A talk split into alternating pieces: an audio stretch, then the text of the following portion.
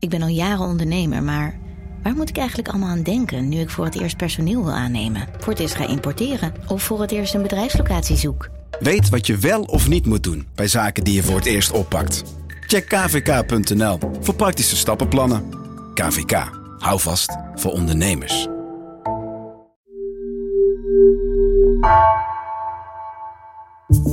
Vanaf de redactie van NRC het verhaal van vandaag. Mijn naam is Geertje Tunter.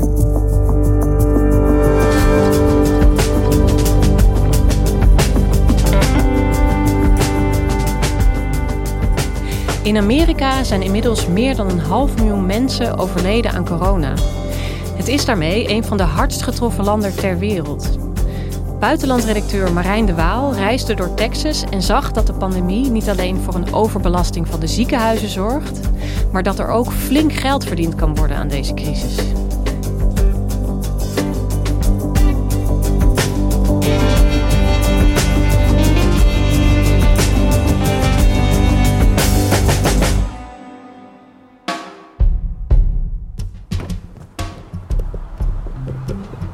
Hi. How are you? How are you?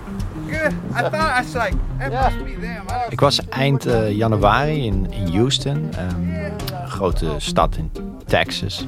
Ehm, en ik heb daar contact gezocht met eh, Jerry Holbrook. Dat is een zogeheten travel nurse, dus dat is een rondreizende verpleger. En die zei, ja, ik zit in de nachtdienst, dus kom anders om een uurtje of acht 's ochtends naar mijn RV-park aan de oostrand van Houston. Een RV-park is een park voor recreational vehicles. Come on in with Yeah, thanks. I said, my my my address is wherever I parked this thing. Het zijn een soort campers, caravans, trailers die eh, mensen gebruiken om, eh, als mobiel huis.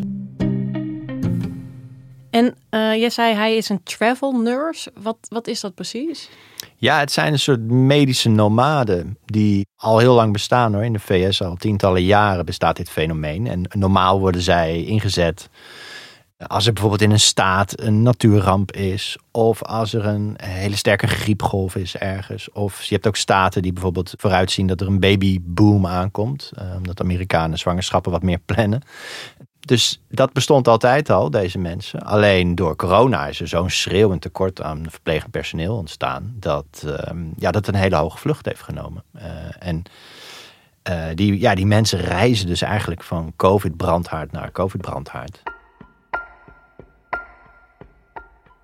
Ja, kan je eens vertellen, eh, hoe, hoe is dat voor hem? Hoe zijn die corona eh, eh, maanden geweest? Nou, heel intensief, zei hij. You know, at first it was pretty chaotic because nobody knew kind of what we were dealing with. Back in, I think February of last year, I had it. Hij en zijn collega's liepen het op in een, in een ziekenhuis. En ze dachten, oh, we we hebben de griep. Ze hadden allemaal milde klachten, dus ze werden er niet erg ziek van. Maar hij zegt dat is ook het gevaarlijke van dit virus. Dat bij de meeste mensen is het, verloopt het ook mild. Waardoor het moeilijk is om mensen over, te overtuigen van de ernst van het virus. Maar hij zegt, ja, wat, als mensen zouden kunnen zien wat ik zie in het ziekenhuis... dan zouden ze echt wel een stuk beduchter zijn voor dit virus. Kijk, hij is degene die eh, vaak eh, de iPad moet vasthouden... voor mensen die aan het sterven zijn. And it's hard because families can't see them. You know, we have the iPads, but seeing them on a video screen is not the same as being in real life. Of de hand van een stervende patiënt moeten vasthouden... omdat die familie ook niet de afdeling op mag vanwege besmettingsgevaar. And so you're that person in the middle, sitting with them, uh, you know, and communicating with the family on the phone. And I said, to me, that doesn't give you a lot of peace. Ja, echt heel heftig werk. Dat is heel heftig werk. En ehm, ik vroeg ook van hem, eh, hoe, ja, hoe zet je dat dan van je af? En hij zegt, ja, het is voor mij eh, gewoon, ik neem een hete douche. Ik ga ontbijten als ik thuis kom, s ochtends. Kijk nog een beetje Netflix en eh, soms lees ik wat. Maar hij volgt bijvoorbeeld geen nieuws of politiek. Daar wordt hij alleen maar boos over. En dan gaat hij lekker slapen rond het middaguur. En dan staat hij om half vijf weer op en dan gaat hij opnieuw naar zijn dienst. Ja.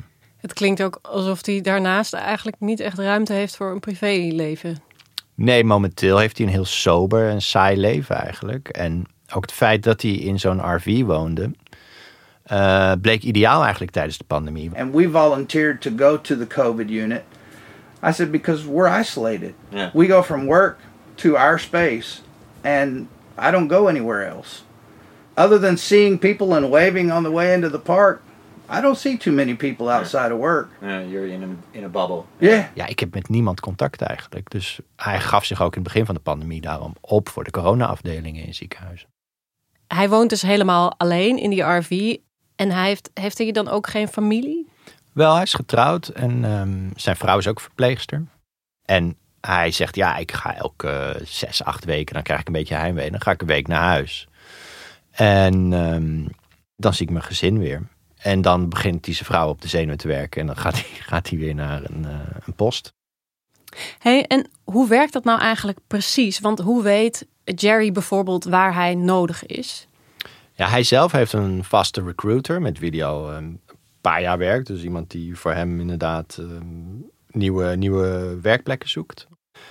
Maar goed, er zijn eh, zeker sinds de uitbraak van de pandemie en de, de enorme verplegersschaarste zijn, zijn er ook heel veel nieuwe bedrijfjes bijgekomen. Die dus als een soort uitzendbureaus ehm, ja, jagen eigenlijk op verplegers om die te koppelen aan, aan eh, ziekenhuizen. En ja, er is dus een hele, ook op het internet, een hele gemeenschap rond, eh, rond dit fenomeen. Hey friends, welcome and welcome back to my channel. If you are new here, my name is Raquel, aka Nurse Raquel. Hey y'all, welcome back to Millennial Nurse TV. I know it's been a little minute since I talked to y'all, but we we skip excuses around here. We just gonna jump into the Waarin video. travel nurses dus ervaringen uitwisselen. Eh, zeggen van, ja, dat is een geweldig ziekenhuis om te werken. Of nou, daar moet je echt niet heen gaan. Of, eh, maar ook vacatures met elkaar delen. Van, kijk eens eh, wat er eh, in het ziekenhuis in San Diego nu wordt geboden. If you have a year, year and a half, two years experience, you need to become a travel nurse, like literally like stat. Because y'all, they are literally giving away money and it is crazy. En dat gaat ook heel vaak wel over de bedragen die je dan per week kan verdienen. I made over $130,000 in five months. And y'all, that might sound like a lot of money, but I I've met some nurses with a different agency that were making $10,000 a week, granted. Zo. Dus dat zijn duizend, duizendtallen dollars. Ehm, dus ja, de- je kan momenteel heel goed verdienen. En ook hele goede bijvoorbeeld secundaire arbeidsvoorwaarden bedingen. En eh, hoe zit dat met eh, Jerry bijvoorbeeld? Betekent dat ook dat hij eh, lekker aan het binnenlopen is op dit moment? Nou, hij gaat zelf niet voor het grote geld, zegt hij. I don't chase the money. I've done this before the money was where it is. I could make more. I just enjoy the people I'm working with now. Want hij zegt, ik werk in een fijn ziekenhuis waar je als traveler, zoals ze dan heet in, eh, in jargon, eh, eigenlijk hetzelfde wordt behandeld als de mensen van de vaste staf, zeg maar. Dus dat daar niet een soort apartheid tussen is. Eh, en wat hij heel fijn vindt, is dat hij in een team werkt waar mensen wel eens wat van elkaar overnemen. Eh, dus hij zegt, je hebt, je hebt soms, dan komt er een patiënt binnen en daar weet je gewoon van, ja, die gaat het eind van de nacht niet halen dan is het fijn als, als je collega's zeggen: hey, ik neem al wat taken van je over, of ik neem al wat bedden van je over, zodat jij bij die patiënt kan blijven zitten. Zodat je niet die patiënt alleen eh, hoeft te laten sterven. Want hij zegt: ja, dan ga je gewoon met een klote gevoel naar huis. Betekent dat inderdaad dat de plekken waar je echt veel kan verdienen, dat dat ja, geen, geen prettige werkplekken zijn? Nou, er wordt wel gewaarschuwd in die, in die groepen, waarin die travel nurses dus ervaringen uitwisselen. Van ja, dat ziekenhuis, een heel groot ziekenhuis, daar word je, word je niet goed behandeld. Of je, krijgt, eh, je wordt amper ingewerkt. Of, Uh, so yeah, there's a couple of corporate names out there that get have a pretty bad reputation right now. So they can pay all the money in the world, but nobody. A lot of nurses won't go there. The minute they see those initials on the contract, it's like, uh-uh, no thanks. En dus dan waarschuwen ze ook tegen elkaar van, weet je wel, laat je niet verlokken door het grote geld. Het is echt geen leuke plek om, eh, om je diensten uit te moeten draaien. Nou, hij vertelde ook dat hij dus vooral jongere collega's hebben, heeft die nu zien hoeveel schaarste er is aan verplegers, dat hij gewoon uit vaste dienst eh, om maar eh travel nurse te worden.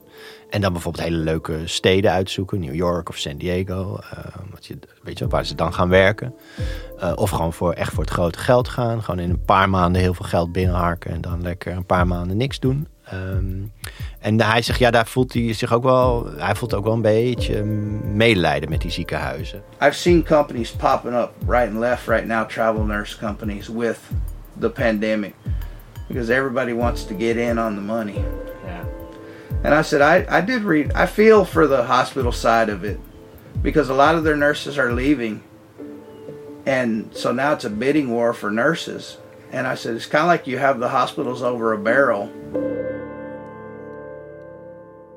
Want vooral kleinere ziekenhuizen of op het platteland, ja, die kunnen eigenlijk niet meer aan die biedingenstrijd meedoen. Want die, die stonden al voor corona vaak zwak voor. Ja, de vraag dringt zich natuurlijk op inderdaad hoe die ziekenhuizen dit allemaal kunnen betalen. Maar dat kunnen ze dus ook niet, tenminste deels. Nee, behalve dat die ziekenhuizen dus meer geld kwijt zijn aan verpleegend personeel, krijgen ze minder geld binnen omdat ze door corona uh, zeg maar de, de, alledaagse operaties of ingrepen hebben moeten uitstellen. Weet je, een nieuwe heup erin, een hartoperatie. Dat zijn normaal de, is een beetje de melkkoe van zo'n financiële melkkoe van zo'n ziekenhuis. Dus sommige ziekenhuizen die zullen, die vallen om of die zullen gaan omvallen uh, de komende tijd. Dat zag je al aan het begin van de pandemie. Ik was bijvoorbeeld in november in Georgia. Daar was net het ziekenhuis in op het platteland gesloten. Dat, dat was al een wankel ziekenhuis. Maar dan kwam de pandemie eroverheen. En dat ziekenhuis had ook een verzorgingstehuis eraan vastzitten. En daar vielen heel veel doden. En mensen trokken hun ouders daar weg, omdat ze die daar niet wilden houden. Dus ja, dan valt zo'n verzorgingstehuis om en sleurt het ziekenhuis mee. En uh, ja, dus corona zal echt littekens achterlaten op het Amerikaanse zorgstelsel. Er wordt, nu wel geld beschikbaar gemaakt in dat nieuwe reddingspakket wat de regering wil lanceren. Maar ja, de, de lange termijn schade van die corona, die, die zullen we echt nog moeten zien. Het is wel heel wrang, hè? Dat aan de ene kant dus zoveel geld verdiend wordt aan corona. En aan de andere kant allerlei ziekenhuizen op omvallen staan. En vanuit Nederlands perspectief misschien ook wel een beetje vreemd. Hoe kijken ze daar in de VS tegenaan? Ja, kijk, die, die verplegers die zijn dit geld natuurlijk gewoon waard. Die staan uh, twaalf uur per dag in uh, beschermende kleding met mondkapjes op. Waarvan die streamen na het eind van de dienst in het gezicht staan. Heel nuttig werk te doen. Dus ze verdienen dat geld echt wel. En ik bedoel, onze verplegers in Nederland verdienen misschien wel te weinig. Alleen ja, het, systeem is zo op marktwerking gericht dat, uh, dat, het, dat het niet goed werkt voor die ziekenhuizen als geheel, zeg maar. Maar ja, uh, kijk, deze mensen, als de pandemie weer over is en er is een, een, paar maanden bijvoorbeeld geen griepgolf of geen geboortegolf, ja, dan hebben ze ook niks, zeg maar, uh, in Amerika. Dus uh, deze, ja, ze, ze proberen nu gewoon te verdienen wat ze kunnen. En dan kan je ze moeilijk kwalijk nemen. We weten dat de Verenigde Staten een van de zwaarst getroffen landen zijn als het gaat om coronadoden. En de gezondheidszorg heeft daar gewoon ja, littekens aan overgehouden. Hoe gaat het land verder onder Biden? Nou, kijk, Biden heeft uh, toen hij aantrad uh, een groot aantal decreten getekend, onder andere op het gebied van corona. En uh, ja, er zat bijvoorbeeld een federale mondkapjesplicht bij, in, dus voor federale gebouwen en federale werkplekken. Hij heeft ook bijvoorbeeld toen laatst de grens van een half miljoen doden werd gepasseerd. Ja, dan houdt hij een speech toont hij empathie. Zegt hij, dit is een grimmige mijlpaal. Uh, we moeten nog even volhouden. We zijn al wel aan het vaccineren, maar uh, blijf voorzichtig. Ja, dat is wel een verschil met zijn voorganger, die het virus toch echt een stuk luchthartiger eh, benaderde. En eigenlijk vooral de economie wilde laten doordraaien. Maar goed, dat is het beleid wat nu uit Washington komt. Maar Amerika is een federaal land, georganiseerd met 50 staten. En die staten die hebben ook gewoon de vrijheid om hun eigen coronamaatregelen af te kondigen of niet af te kondigen. En in het geval van Texas, wat een uh, grote staat is, een trotse staat, waar ze nogal een libertaire inborst hebben, veel vrijheid voor zichzelf, persoonlijke vrijheid en een afkeer van bemoeizucht uit Washington. En zij willen nu de uh, aantallen zo gedaald zijn, ja, morgen, de woensdag, gewoon weer 100% open gaan. We have breaking news. This just in. Texas Governor Greg Abbott has just announced the end of a statewide mask mandate, citing improving COVID 19 case numbers. Hospitalizations are the lowest that they have been in four months.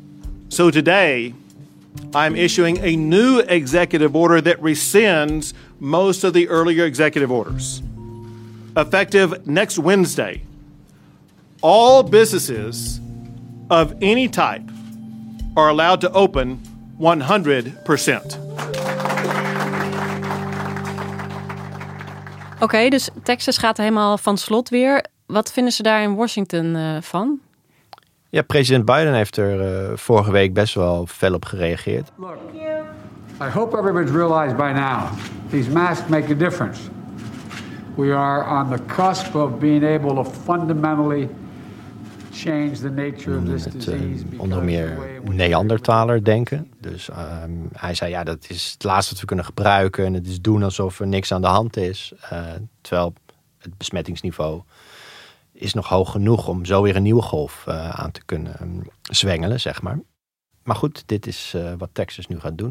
And it's critical, critical, critical, critical that they follow the science. Wear a mask and stay socially distanced. And uh, I know you all know that. I wish the heck some of our elected officials knew it. So thank you very much. Hey, en uh, Jerry, want jij trof hem natuurlijk in Texas en hij heeft met eigen ogen gezien wat uh, corona kan doen. Hoe kijkt hij tegen die versoepeling aan? Ja, ik zat daar met hem over te sms uh, en hij zei, hij is dus een nieuwsmeider. Hè? Hij volgt helemaal het ja. nieuws, maar had, had dit dus wel meegekregen omdat er in een stafvergadering over gesproken werd. En hij zei, ja, in het ziekenhuis blijven mondkapjes natuurlijk gewoon verplicht. Hij, zei, hij denkt ook dat dat nog jaren het geval zou blijven trouwens. En um, maar hij zei, ik hoop wel dat mensen daarbuiten uh, uh, hun gezond verstand gebruiken. Oftewel slimmer zijn dan de gouverneur. En zich blijven beschermen. Ik vroeg ook aan hem of het voor hem niet vreemd was, nu we al in het tweede jaar van de pandemie zitten, um, dat hij dan na zo'n dienst naar huis, of dat hij naar zijn dienst toe rijdt of van de dienst afkomt. En dat hij dan ziet dat kroegen vol zitten of, uh, of winkels vol staan. En hij zei, ja, het is gewoon raar inderdaad dat mensen het nog steeds niet serieus kunnen nemen of niet langer serieus kunnen nemen. Maar hij begreep het ook wel toen we erover doorpraten. It's an American thing.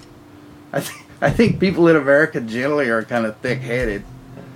But that's the way you're brought up. Kijk, Amerikanen hebben in de grondwet verankerd dat ze een recht hebben op de pursuit of happiness. Dus je mag je geluk najagen. Het liefst ook instantly, weet je wel, meteen. You're brought up that you know you can't live your life in fear i can remember my grandmother saying that when i was a kid you know that hey you could get hit by a bus tomorrow that's a famous saying from some of the older people hij zegt dat is een soort mentaliteit die in ons zit van je, je moet jezelf niet zomaar door iemand anders iets laten vertellen wat jouw geluk in de weg zit nee dus hij zal nog wel een tijdje corona achterna reizen denk ik samen met, uh, met collega's het lijkt me ook heel zwaar beroep. Heeft hij eigenlijk een idee over hoe lang hij dat kan volhouden? Ja, als ik met hem sprak over zijn banen, had ik eigenlijk meer het idee dat hij het als een roeping zag dan als een beroep, zeg maar. En um, hij, ja, ook heel Amerikaans. Hij zegt ook niet met pensioen te willen gaan, hoogstens minder te gaan werken. Nurses never retire. No? No, I don't think you can get away from it. Dus ja, hij, hij, uh, hij zegt het, het menselijk contact is wat je werk uh, de moeite waard maakt. En uh, dat zou hij heel erg missen als hij ermee zou stoppen. I just enjoy the patience. I said if I was if I won the lottery, I would still do it.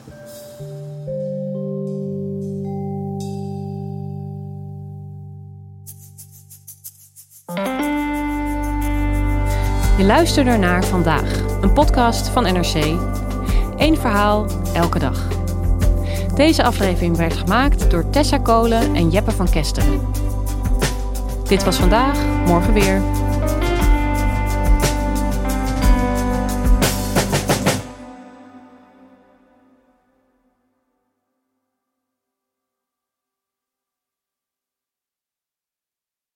Technologie lijkt tegenwoordig het antwoord op iedere uitdaging.